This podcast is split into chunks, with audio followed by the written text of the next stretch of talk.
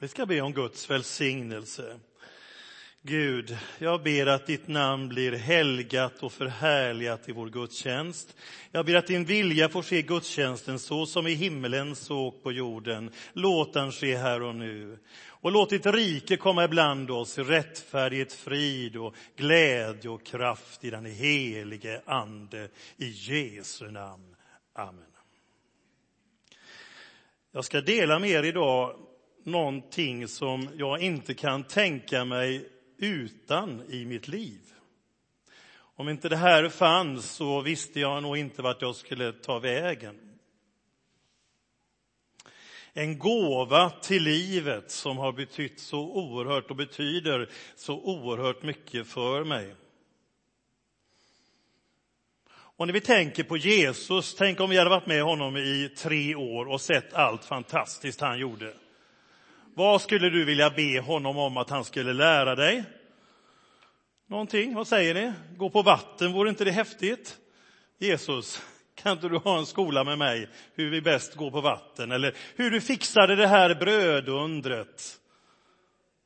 Ja, många sådana här saker som man lärjungarna skulle säga, det vill jag att du lär mig Jesus. Men vi kan se i evangelierna att det är två saker som lärjungarna ber Jesus konkret om. Det här måste vi få tag i. Och vad är det? Ja, de säger Herre föröka vår tro. Och så säger de Herre lär oss att be. Det vore ju enklare att tänka, kan vi inte ha nu då, gå på vattenkurs eller någonting annat? Nej, lär oss att be. För de förstod att där fanns hemligheten, källan i allt det som Jesus gjorde. Hans relation till den himmelske Fadern. Så starkt intryck att de säger Herre, lär oss att be. Och bönen är en sån oerhörd gåva till mitt liv, till våras liv. Den här förunderligheten, där djup får ropa till djup, en levande Gud som hör när vi ber. Som inte är oberörd, utan som berörs och hör när vi ber. Och jag har starka intryck med mig från den här lilla salen här vid sidan om när jag växte upp. Och Harry Stahl och de andra kraftiga arbetarna här, och ni som känner till och kommer ihåg hur de böjde sina knän och bad till den levande guden. Det är oförglömliga intryck i en ung människas liv.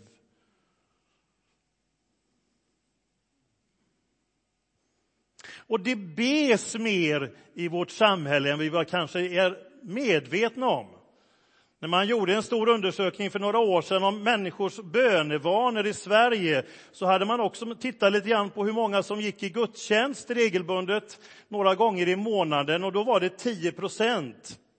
När man såg några som gick några gånger om året så kom man upp i 50 och så vidare. Men regelbundet några gånger i månaden var 10 procent.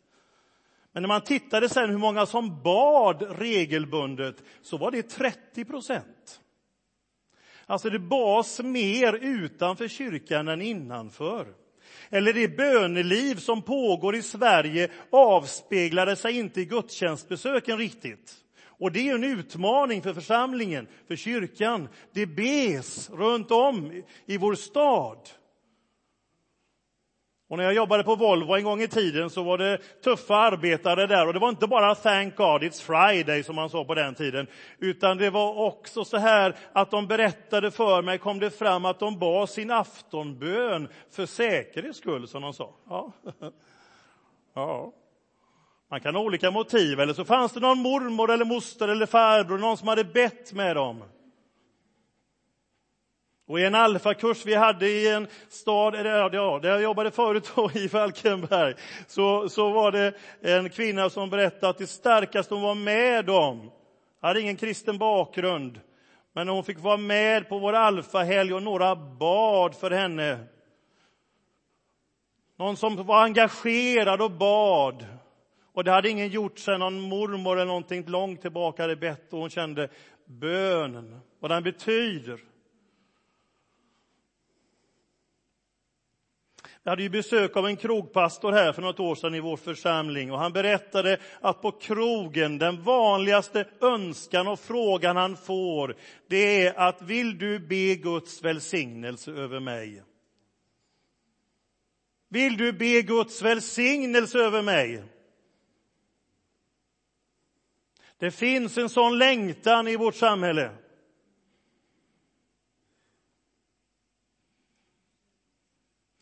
Och det står och berättat om Herbert Tingsten att när hans fru blev sjuk så böjde han sina knän och bad till den Gud som han hade förnekat eller motarbetat i hela livet. Men när nöden var där, då böjde han sina knän och bad. Sen kan bönerna vara olika. Ett av våra barn bad en gång så här i vår aftonbön. Tack Gud för mormor och alla papegojor. ja, det kan vara lite olika, men det var nog mixen mellan Sverige och Afrika med att vi har bott i bägge länder. Jag tyckte det var en skön bön. Tack för mormor och alla papegojor. Ja, visst. Mm. När man gör undersökningar då, det här som var om bön, man tror ni beder mest, kvinnor eller män i vårt land? Nu får ni i alla fall inte... Nej, ni, ni kan ju svaren. Vad tror ni, kvinnor eller män? Kvinnor, ja, 35 procent, och kvinnorna bad 19 procent av männen. En stor undersökning här då i vårt land. Så var det. Och man kunde se att man bad mer med åldern. När man blev äldre så bad man mer. Men också barn beder.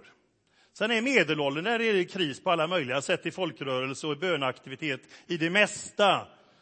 Men äldre och barnen, de bad. Och vilken eh, yrkeskategori tror ni ber mest? Det borde ju vara präster, alltså det skulle ju kännas mest naturligt, men de var inte med som kategori. Vad tror ni, vilken yrkeskategori ber mest till Gud? Ha? Låga? Klass, ja, kan man tänka. Nej, men det, ja, några fler förslag? Busschaufförer. Oj!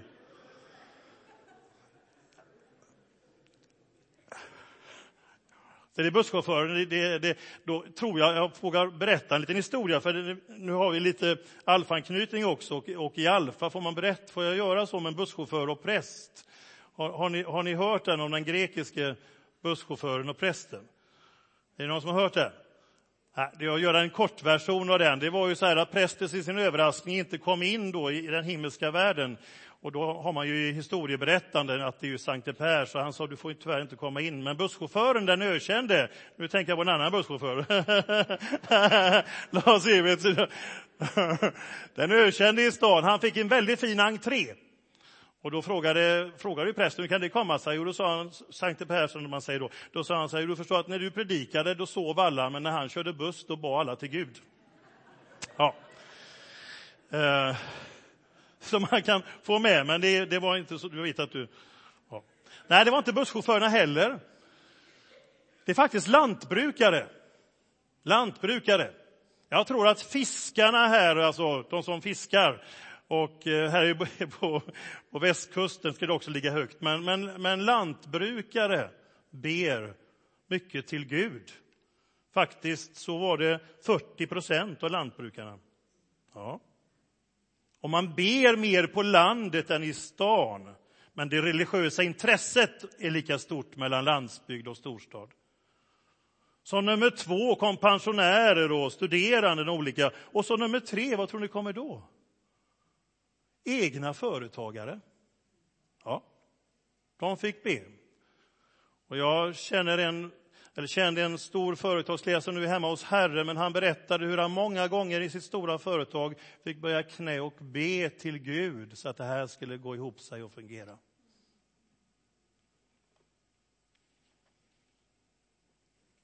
Sen har man kollat också, i den här kategorin man hade så var det gifta, ogifta, frånskilda, änklingar och änkor. Vem tror ni bad mest till Gud där? Eller vad jag frågar här idag, vad tror ni? Ja, man skulle kunna tänka att det var änkan, det var 64 procent, men faktiskt singelkvinnor 65 procent. Ja. Sen är det lite festligt, alltså. om man tittar sen när kvinnan blir gift så sjunker böneengagemanget Vad säger ni om det, hur det kan komma sig? Eh, och det lustiga är, eller förundliga är att för mannen är det tvärtom. Så att när han väl gifter sig så sätter det fart. han ber det innan också, men han, det tar fart när han gifter sig. Och det finns bara ett enda svar på detta, och det kan jag. Det finns bara ett svar, man kan tänka och förundra sig över detta, men det finns bara ett svar och det är att mannen har fått så mycket att tacka Gud för, eller hur? Ja, säger vi ett amen till det? Det är inget annat svar som är giltigt, är vi överens om det? Ja. Ja. Och så säger Jesus så här i bergspredikan, när han talar om givande och bön och fasta. Gör inte det för att visa er och få beröm för människor. Show inte off, som det är på engelska. Gör inte det för att visa det på styva linan och inhösta människors beröm. Utan gör det i fördolda, så ska Gud som ser det fördolda belöna dig, i hela poängen. Gud lönar den som gör något i det fördolda, inte för att människor ska prisa. Och då står det så här i Matteus 6. När ni ber ska ni inte göra som hycklarna, från vers 5 här. De älskar att stå och be i synagogorna och i gathörnen för att människorna ska se dem. Sannerligen, de har redan fått ut sin lön. Nej, när du ber, gå in i din kammare, stäng dörren, be sedan till din fader som är i det fördolda. Då ska din fader som ser i det fördolda belöna dig. Och när ni ber ska ni inte rabbla tomma ord som hedningarna. De tror att de ska bli bönhörda för de många ordens skull. Gör inte som dem, ty er far vet vad ni behöver redan innan ni har bett honom om det. Det är relation, det är gemenskap, det är inte massa fina religiösa fraser. Inte något religiöst snack, utan det är hjärtats samtal till den levande guden. Det var en liten pojke, berättas i en liten solskenshistoria. Han ropade allt vad han orkade. Gode Gud, låt mig få en chokladask när jag fyller år. Och på hans mamma sa, du behöver inte skrika lille vän, för Gud är inte döv. Nej, men morfar är det, sa han. ja, han sitter i vardagsrummet. Men det är inte till morfar vi talar, utan till den levande guden.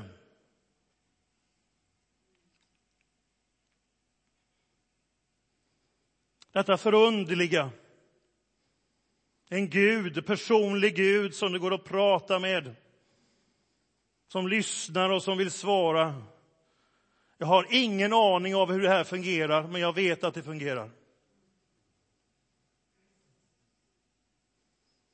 Jag vet inte om ni har sett filmen Bruce den allsmäktige med Jim Carrey. Har ni inte gjort det kan ni göra. Den är väldigt eh, intressant och rolig och bra, många mycket teologi i den och titta på den. Men han får ju vikariera som Gud och tycker det blir ju väldigt spännande. Ända tills han ska ta emot alla böneämnen som kommer in i datorn. Det blir ju hur mycket som helst. Han blir hur stressad som helst. Och hur Gud kan hålla ordning på det har jag ingen aning om, men jag vet att han ser till varje människa. Han som nämner alla stjärnorna vid namn. Det är inte dåligt. Han känner också till våra liv. Och vad är det första namnet som Gud får i Bibeln? Jo, det är Hagar, den ensamstående kvinnan i öknen med ett barn. Och hon får säga efter Guds handlande med henne, du är seendets Gud. Du är seendets Gud. Du är sedd. Ja, säger Jesus, er fader vet redan vad ni behöver innan ni har bett honom om det. Ja, det reflekterade över Susan i Barn skriver till Gud. Hon skriver så här, varför måste jag be när du i alla fall vet vad jag vill ha? Men jag ska göra det om det känns bättre för dig. Ja, så kan man tänka. Men det är klart att det vore ingen relation om vi inte samtalade med varandra, eller hur? Så är det ju människor också. Om inte Anette och jag pratar med varandra så är det ingen relation. Vi samtalar med varandra. Och till Gud får vi komma med tacksägelse, lovprisning.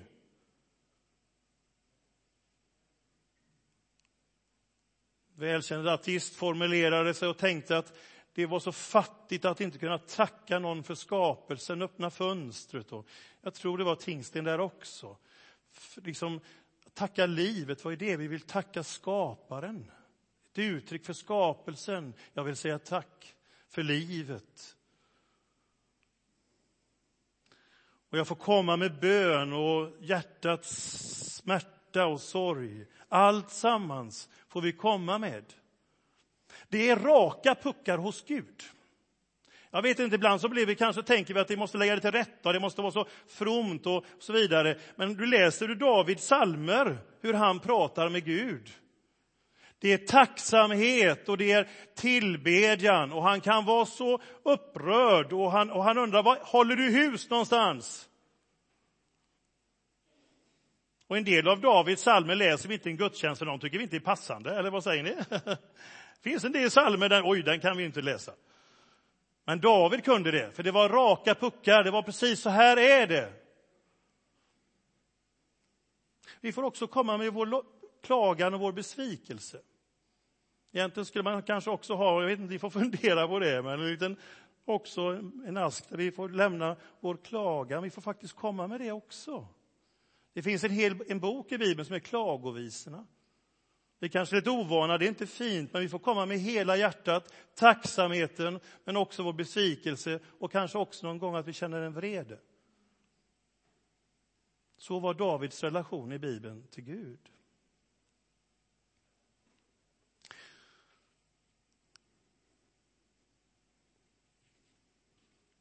Men när vi ber så är det inte för att blidka Gud eller förändra, utan för att först att vi blir förändrade. Det händer någonting med oss. Vi kanske står inför en svårighet eller ett problem och vi undrar hur ska detta bli?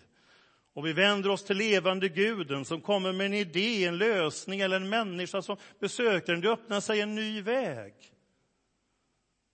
Psalmisten han beder och säger så här att eh, och Herren talar till honom i psalm 32. Jag vill lära dig och undervisa dig om den väg du ska vandra. Jag vill ge dig råd och låta mitt öga vaka över dig.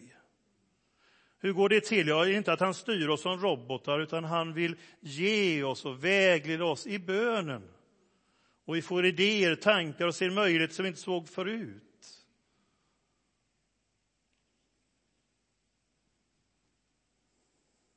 Svarar alltid Gud på bön? Ja, jag tänker så här att det är som trafikljuset. Ibland är det rött, ibland är det gult och ibland är det grönt. Rött kan det ju vara för att vi ber om någonting, faktiskt kanske något galet. Jag vet inte om ni har gjort det, jag tror att jag har gjort det i alla fall. Ja, och så Gud säger, precis som en förståndig förälder, barnen får ju inte alltid de pekar på, eller hur? Nej, det var, det, var, det var rött, det här var inte bra. Eller kanske inte var rätt, det är gult, det är inte riktigt tillfälle. Janis Joplin sjöng Oh Lord, won't you buy me a Mercedes-Benz? Varje bön om en Mercedes eller Porsche blir ju inte besvarad. Hur skulle det se ut här på parkeringen? Ja? Men jag har faktiskt bett om en bil en gång, det har jag ju berättat. Alla andra bilar har jag fått köpa i vanlig ordning, att jag har fått arbeta för dem. Men min första bil fick jag faktiskt som en gåva från Gud. Jag bad till Gud att jag behövde en bil, du vet det Gud. Och det var ingen ekonomi för det. Och sen några veckor senare, jag nämnde inte för någon, så ringde en moster till min far och undrade, behöver inte Ingmar en bil? Då hoppar man till. Ja, en Austin Cambridge Deluxe. Ja, med skinnklädsel. 0 till 100 på tre minuter. Ja. Den var så lågt växlad den här dieseln så jag har ingen idé att använda ettan.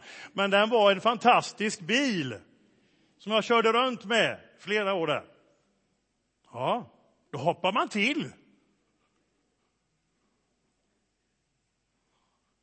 Det kan finnas annat som hindrar att det blir grönt. Och Petrus säger faktiskt i sitt brev att om en man förtrycker sin hustru så klingar hans böner ohörda. Och det gäller naturligtvis vice versa om en kvinna förtrycker sin man så klingar hans böner ohörda. Och läste vi vidare i den texten som jag har läst så lär Jesus dem bönen Fader vår. Och det är inte alltid vi kanske tänker till vad vi ber om, men vi ber faktiskt där att vi ska få våra skulder förlåtna så som och vi förlåta dem oss skyldiga äro. Alltså samma generositet som jag är villig ber jag Gud ska visa mot mig. Vi kan aldrig bli så generösa men, men, så Gud, men ändå, det bränner till. Det har med våra relationer också att göra. Så långt det beror på mig vill jag leva i fred med alla, skriver Paulus. Så långt det beror på mig. Sen kan det också vara i livet att vi inte har fått svar på det sätt som vi hade tänkt. Det kanske vi ser längre fram i backspegeln. En del saker kanske vi inte får svar på förrän i den eviga världen. Men vi vet att Gud är en bönhörande Gud. Och det han inte hjälper oss ifrån, det vill han hjälpa oss igenom. Även Paulus fick ju erfara det här med att han hade en törntagg i sitt kött, skriver han, vad det nu än var för någonting, som han ville bli befriad ifrån. Men Gud sa, min nåd är dig nog. Han fick leva med det. Din nåd är mig nog.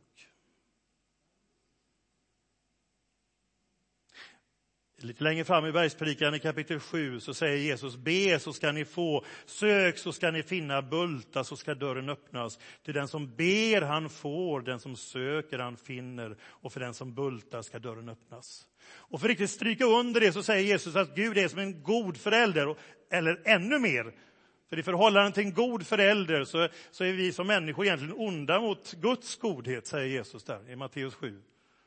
Gud vill ge, hur mycket mer ska då inte Gud ge det som är gott åt den som ber honom om det?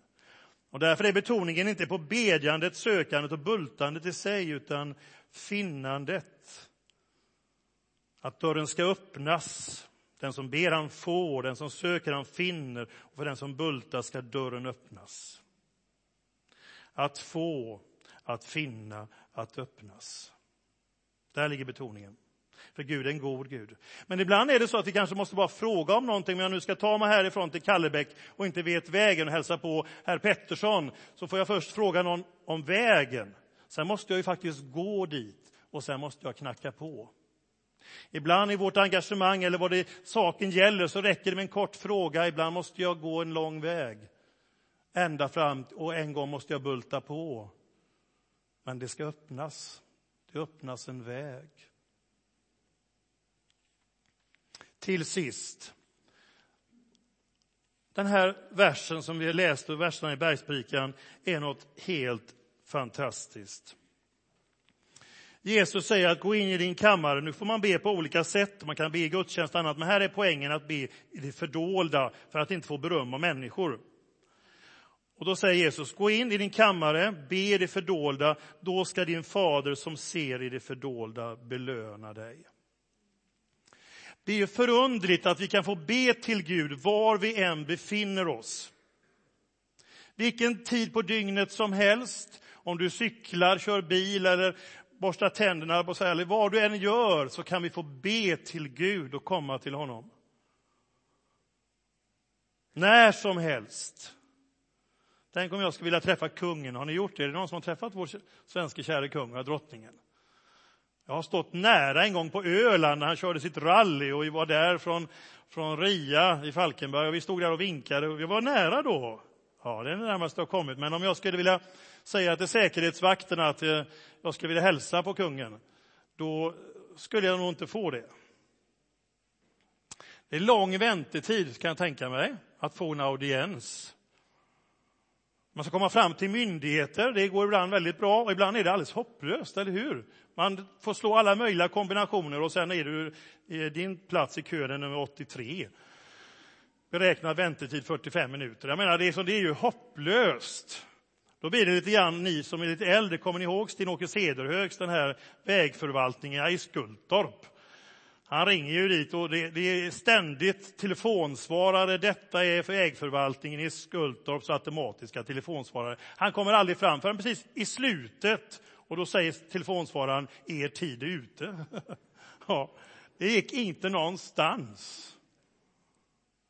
Och då säger Jesus att du Lille Tidefors eller vad vi nu heter.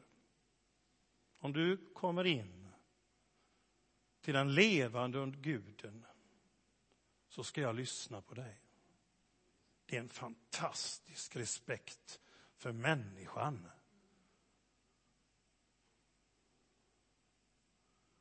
Kom och jag vill lyssna och löna dig som söker mig. Jag får ständig audiens. Har ingen aning hur detta fungerar egentligen på ett sätt, denna förunderliga bönens värld. Men jag vet att den är sann. Amen.